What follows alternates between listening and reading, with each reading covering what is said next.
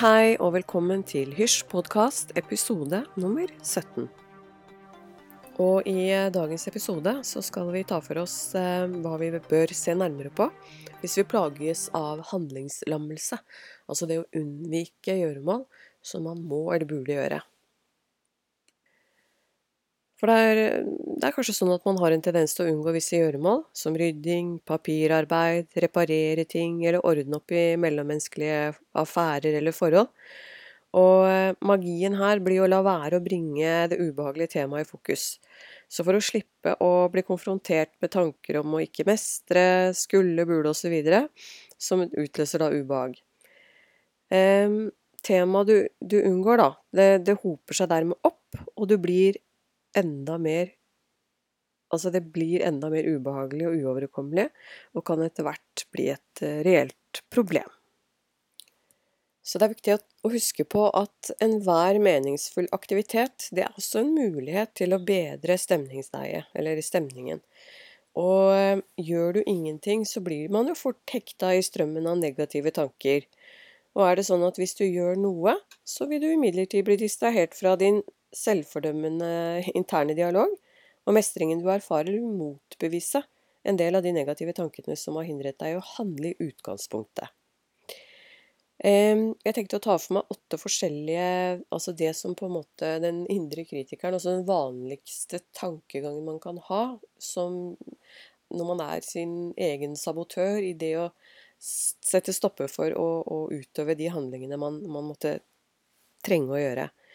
Og ehm, ja, her er noen av de eh, strategiene da kritikeren anvender som, som lammer deg. Så, så, nå går vi gjennom disse åtte punktene, og så kan du prøve å gjennomskue hvordan du selv eh, opptrer eller tenker, da. Så det første punktet det dreier seg også litt om kanskje det å være inn i en sånn litt negativ spiral, eller en, en, kanskje også en, en mildere depressiv tilstand. Og i dette punktet så tenker du at aktiviteten er poengløst. Du har glemt at du følte altså bedre At du følte deg bedre tidligere i livet, og tror at mangelen på motivasjon og glede, altså at den er varig. Og, eh, gjøre, og det å gjøre noe for å hjelpe deg selv, det virker helt meningsløst. Og det er umulig å tenke seg til at det å gjøre noe vil hjelpe deg, for å få deg til å føle deg bedre, fordi den dårlige følelsen kommer av faktoren utenfor din kontroll, og derfor er upåvirkelige. Så tenker du slik, vil du utløse en tilstand av håpløshet og hjelpeløshet. Husk at denne tilstanden er utløst av egne negative tanker. Så det er punkt én. Um, og punkt to det dreier seg om å overvelde deg selv i å la være å gjøre noe og med det mener jeg at du, du forstørrer da, en oppgave til noe som det blir da umulig å takle. Og du antar at du må gjøre alt på en gang, istedenfor å dele opp jobben i en overkommelig eh, prosess. Det å greie å, greie å dele det opp, slik at du kan gjøre litt etter hvert. Um, og du avleder deg fra å gjøre noe ved å gruble på alle de andre tingene du heller ikke har gjort, og som du kanskje burde ha gjort først. Så du setter opp på en måte egne barrierer og egne unnskyldninger, og forstørrer da problemet, sånn at du hele tiden eh, føler at det er noe vanskelig og stort og, og, og uoverkommelig. Og det man kan gjøre her i, denne, i dette punktet, det er jo å dele opp oppgavene i én til to timers jobber, f.eks., og ikke lage store lister der man grubler over prioriteringen. Um, det viktigste her er at du handler, enn at eh, prioriteringene eh, kommer først. Det viktigste er det å bare begynne å gjøre. Um, ja, og da har vi kommet over til punkt tre. Og det handler om å slutte å sette negative merkelapper på en selv. For jo lenger man er passiv, jo mer fordømmer man seg selv. Og um, da er det kanskje lett at eh, man tenker at man er udugelig og lat håpløs, og man faller inn i en sånn negativ tankespiral. Eh, og du har liksom Ja, du, du, mister litt motivasjon til å kunne ta, ta handling, fordi du bare deg, fordømmer deg selv. Og her er det jo viktig å tenke kanskje på motpoler, da. Litt hva, hva var det jeg fikk til tidligere? Hva er det jeg har klart tidligere som, som jeg kan assosiere med det å stå i den handlingslammelsen overfor det, altså dette gjøremålet?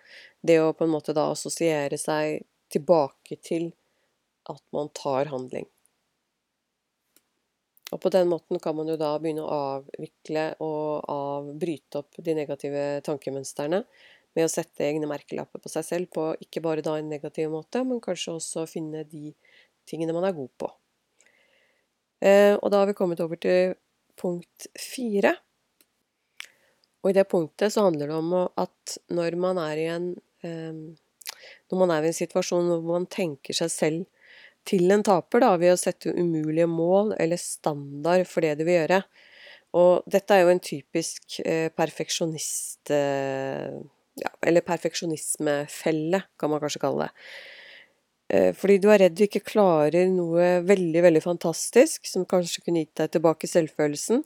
Og da er det best å ikke prøve på noe, slik at det ikke blir en ny eh, måte å feile på da, eller å komme til kort. Så det å anstrenge seg for å gjøre noe bare for å feile, ville være et voldsomt nederlag.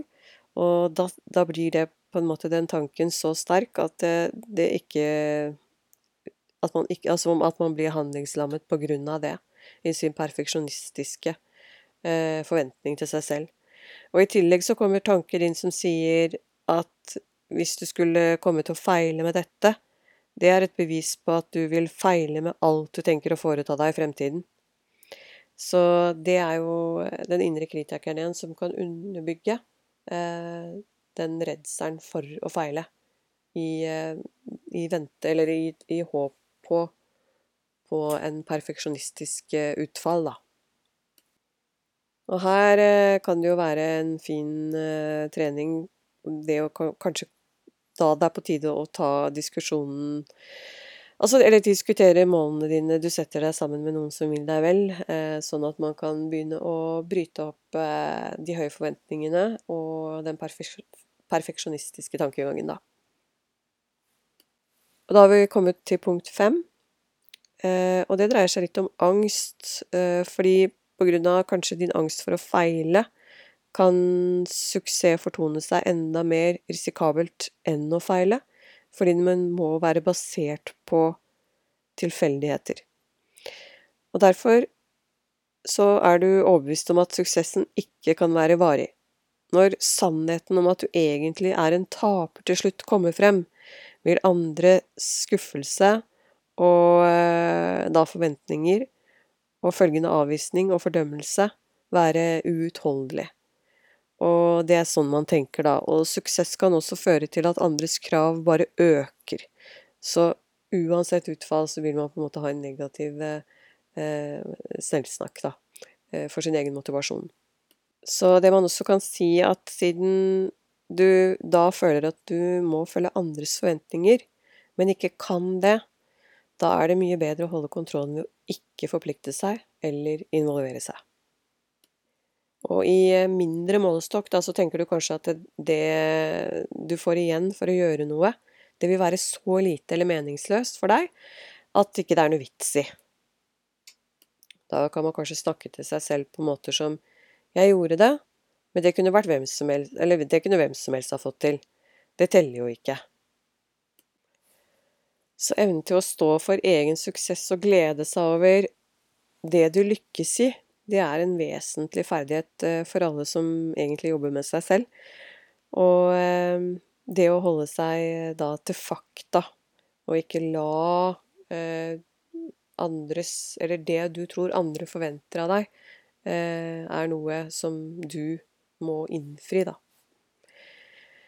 Så det var litt det i forhold til det å ha angst for å feile i punkt fem. Og nå går vi over til punkt seks. Og det punktet handler om press. For en litt sånn kvelende fiende i forhold til motivasjon, det er jo tanker om å være under press. Altså du føler et intenst press på å skulle yte noe, både utenfra og kanskje innenfra. Og Dette skjer når du prøver å motivere deg med å skulle, burde og må. Og det fører til at du føler deg nødt til, presset, anspent, anklaget og kanskje skyldig, som under press fra en tyrannisk sjef. Så ethvert gjøremål blir fanget med en slik altså ulyst, da, at du ikke klarer å møte den. Eh, og det, det, vil jo være da den indre kritikeren som prøver å overbevise deg da om at eh, alt må gjøres på en, en, spesifikk måte. Og her er det viktig å belyse, da, og ikke la kritikeren din få overta lysten og motivasjonen, eh, og gjøre den til sin. Så sjekk om jeg må er en dårlig oversettelse til oversettelse av 'jeg har lyst til'. Og da har vi kommet over til punkt syv. Og eh, hvis du generelt er redd for avvisning og kritikk, så kan du lett tro at hvis du prøver noe nytt, vil enhver feil eller uregelmessighet bli møtt med sterk fordømmelse og kritikk. Og ingen vil akseptere noe som er mindre enn perfekt. Derfor er det best å holde en lav profil, slik at du ikke dummer deg ut, og en annen variant er hvis du sitter fast i en forestilling om at det er noe galt med deg, eller at du har ødelagt for andre. Da prøver kritikeren å avverge nye ulykker ved å si du bare ødelegger for meg. Altså, du ødelegger for deg selv og andre uansett. Og igjen må du da ta tak i dette og gjennomskue kritikeren for å tørre å handle og ikke minst Eh, en annen ting som også er viktig, det er jo å be om feedback fra de rundt deg også. Så eh, det her med å være redd for avvisning og kritikk, det, det, er, eh, det kan også være et årsak til handlingslammelse, da. Og da har vi kommet over til eh, punkt åtte. Og det handler litt om det her med frustrasjonsterskel. For det kan jo være at du har en, kanskje du har en lav frustrasjonstoleranse. Du mener du burde klare enhver oppgave og nå alle mål raskt og lett, og du blir både redd og rasende når livet gir deg motstand. Så det du kan si, er at du kanskje hevner deg mot denne urettferdigheten ved å gi helt opp. Og du synes du fortjener noe bedre her i livet. Du har laget deg et bilde av hvordan livet burde være for deg, og når realiteten ikke stemmer overens med bildet ditt, så avviser du realiteten istedenfor å endre på dine forventninger, da. Da er det jo viktig å begynne å tenke på at man kanskje skal ta litt tak i hva er realitetene, og da kan man jo også snakke litt rundt, med de menneskene rundt seg når man er åpen for det. I disse punktene som jeg har vært igjennom nå, så er det jo ofte at man er i et litt låst mønster. Og eh, derfor så tenkte jeg at eh, det var viktig å komme med en slags treningsmanual, eller treningsoppgaver og øvelser, på hvordan man kan eh, løse hvis man befinner seg i noen av disse, eller kanskje flere, i, i handlingslammede punktene her, da. Og da kommer jeg med fire forskjellige øvelser. Mot trinn én Beskriv tilstanden du kaller handlingslammelse så nøyaktig du kan. For eksempel jeg er redd, jeg er rastløs, skjelven, stresset, jeg blir apatisk, osv. Kjenn etter hvor i kroppen den sitter. Er hele kroppen lammet? Altså kjenn litt på det. Kjenn litt på også hvordan, du, hvordan følelsen sitter i kroppen. Og skriv det ned. Og trinn to er det i de samme situasjonene denne tilstanden oppstår. Hver gang noen maser på meg, forlanger noe eller krever noe av meg, så blir jeg helt matt. For eksempel, eh, er det de samme masekoppene som gjør meg slik? Alle forventer noe av meg hele tiden og krever at jeg skal stille opp. Altså prøv å iaktta på hvilken måte Eh, og når disse Altså når handlingslammelsen oppstår, i hvilke situasjoner, og skriv det ned. Trinn tre Hva tenker du om de andre, og om deg selv? Altså, for eksempel, de krever noe av meg hele tiden, de forlanger suksess, de vil at jeg skal være flink hele tiden, jeg orker ikke mer av dette maset, la meg være i fred, jeg har ikke noe å si, eller komme med uansett. Og, og så her Hva tenker du om de andre? Og om deg selv? Skriv det ned. Trinn fire. Hva slags atferd er vanlig for deg? Jeg liker å lage lister, legge planer, være detaljert og grundig. Eh, for eksempel, jeg forbereder meg i flere dager slik at alt blir perfekt. Når jeg skal gjøre noe, trekker jeg meg Altså for eksempel når jeg skal gjøre noe, trekker jeg meg, jeg blir hjemme og ser på TV, blir unnvikende og sykemeldt for å slippe å stille opp, osv. Så, videre. så hva slags, van, hva slags atferd er vanlig for deg når du kommer i de situasjonene når det er noe som krever noe av deg, en handling? Så de fire punktene, der er det en øvelse på hvordan du kan bli bevisst på det. Og så tenkte jeg å komme med mot... Øh, altså øvelser som øh, For å prøve å komme ut av tilstanden ved å legge opp da alternative strategier øh, og en annen måte å opptre på. Med andre tanker og forklaringer. Og da er det også fire øvelser her. Og trinn igjen Det er Du har ikke alltid vært så passiv og unnvikende. Prøv noe nytt. Konsentrer deg om realiteten utenfor, og prøv å aktivisere deg selv. Så på denne måten så kan du, når du har blitt bevisst på det vi hadde i trinn 1, på å beskrive tilstanden du kaller handlingslammelse som nøyaktig du kan, og så kan du da eh, gå, til, gå, tilbake til f.eks. perioder hvor du ikke har vært passiv, og, og sammenligne deg med det. Og eh, prøve, prøve rett og slett å gjøre noe nytt for å komme ut av den tilstanden. Og trinn to, altså øvelse mm, to, prøv å gjenkjenne situasjonen. Dette kjenner jeg fra før. Det hender hver gang. Dette har jeg vært igjennom mange ganger før. Det å på en måte bli bevisst på at det er en gjentagende handling, det er også en måte å kunne bli, belyse det og bryte ut av det. Og øvelse tre, det er jo å gjennomskue kritikeren. Altså ta for deg tanker du skrev ned. Er det de eneste tankene som er sanne? Er det sant at alle krever noe av meg, eller er det du selv som krever det? De andre synes jeg gjør Altså, de, an, de andre synes det jeg gjør er bra nok. Jeg har aldri fått noen klager når jeg først har gjort noe. Bruk din positive plattform her. Bruk tidligere erfaringer. Um, det er liksom dine ferdigheter og hva du er god for. Prøv å få det ned. Hvis du har glemt det, så er det litt sånn som vi har snakket om i tidligere episoder også, det å lære seg å klippe bort de gamle negative tankene, og ikke gruble videre på de problemene som dukker opp, men å prøve å belyse det for å snu det, og for å gjøre en annen eh, handling, eller kanskje noe du var god på tidligere, som du kan eh, begynne å hente opp igjen. Trinn fire velg alternativ atferd. Jeg skal gjøre det jeg tror er bra nok, og ikke mer. For eksempel. Jeg skal legge frem ting og ikke bli hjemme fordi jeg tror de forlanger mer mer av meg, da. Jeg skal være mer aktiv, handle mer, dele opp oppgaver i mindre deler og be om hjelp, osv. Det å på en måte begynne å ta tak i, tak i handlingslammelsen mer og mer, det å kunne bryte opp eh, Bryte opp oppgavene, eh, sette seg både mål, men delmål og mini-mini-delmål, det er også en veldig fin måte å trene på, sånn at det ikke blir så overveldende, sånn at man ikke klarer å komme noenstans.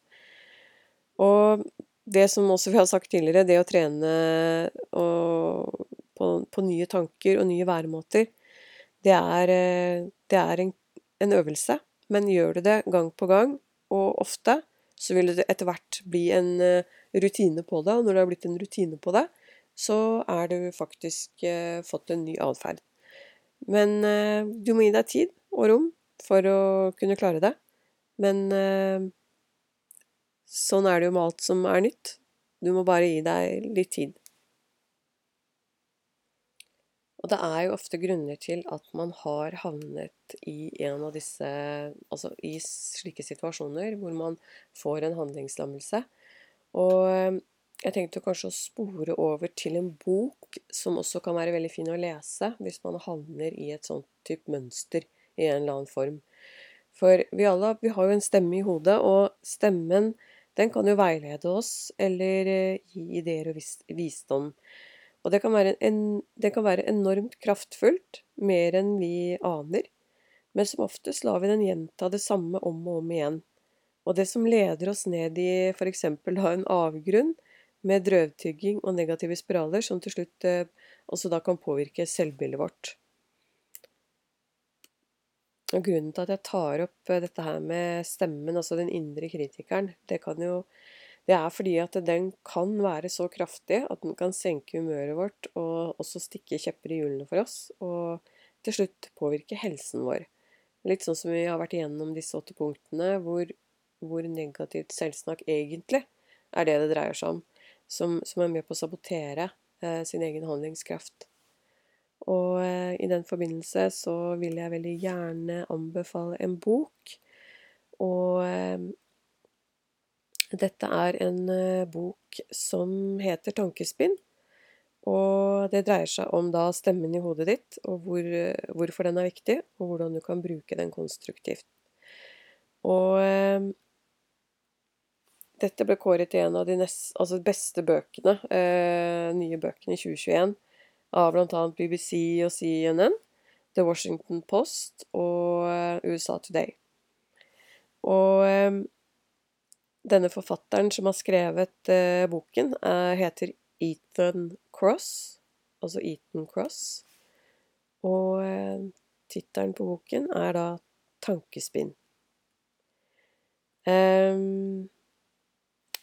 Det han skriver, er at alle har en stemme i hodet det kan være enormt kraftfullt. Eller den kan være enormt kraftfullt. Hvordan ville livet vært om du kunne bruke den indre stemmen konstruktivt? Det er fokuset. Så den boken vil jeg veldig gjerne anbefale til de som eh, synes dette er et tema som de ønsker å eh, utforske mer. Og eh, med det så har vi kommet til veis ende i eh, denne episoden, episode 17 i Hysj podkast. Jeg ville veldig gjerne takke igjen for alle mail. Eh, og vi, som sagt, som jeg nevnte sist, så er vi i gang med flere intervjuer som vi skal publisere i sommermånedene fremover. Og eh, en ting til jeg vil også ta på tampen, det er eh, hvorfor jeg har kalt eh, podkasten Hysj podkast. Det er fordi at det er din indre, altså stemmen din inni hjertet ditt, det er det viktigste. Det er den du skal lytte til. Og derfor så er det det som bør motivere deg for å gjøre det som er meningsfylt for deg, for at du skal ha det best mulig. For du fortjener å ha det godt. Da ønsker jeg dere alle en riktig, riktig fin uke, og så håper jeg vi høres neste søndag. Ha det bra!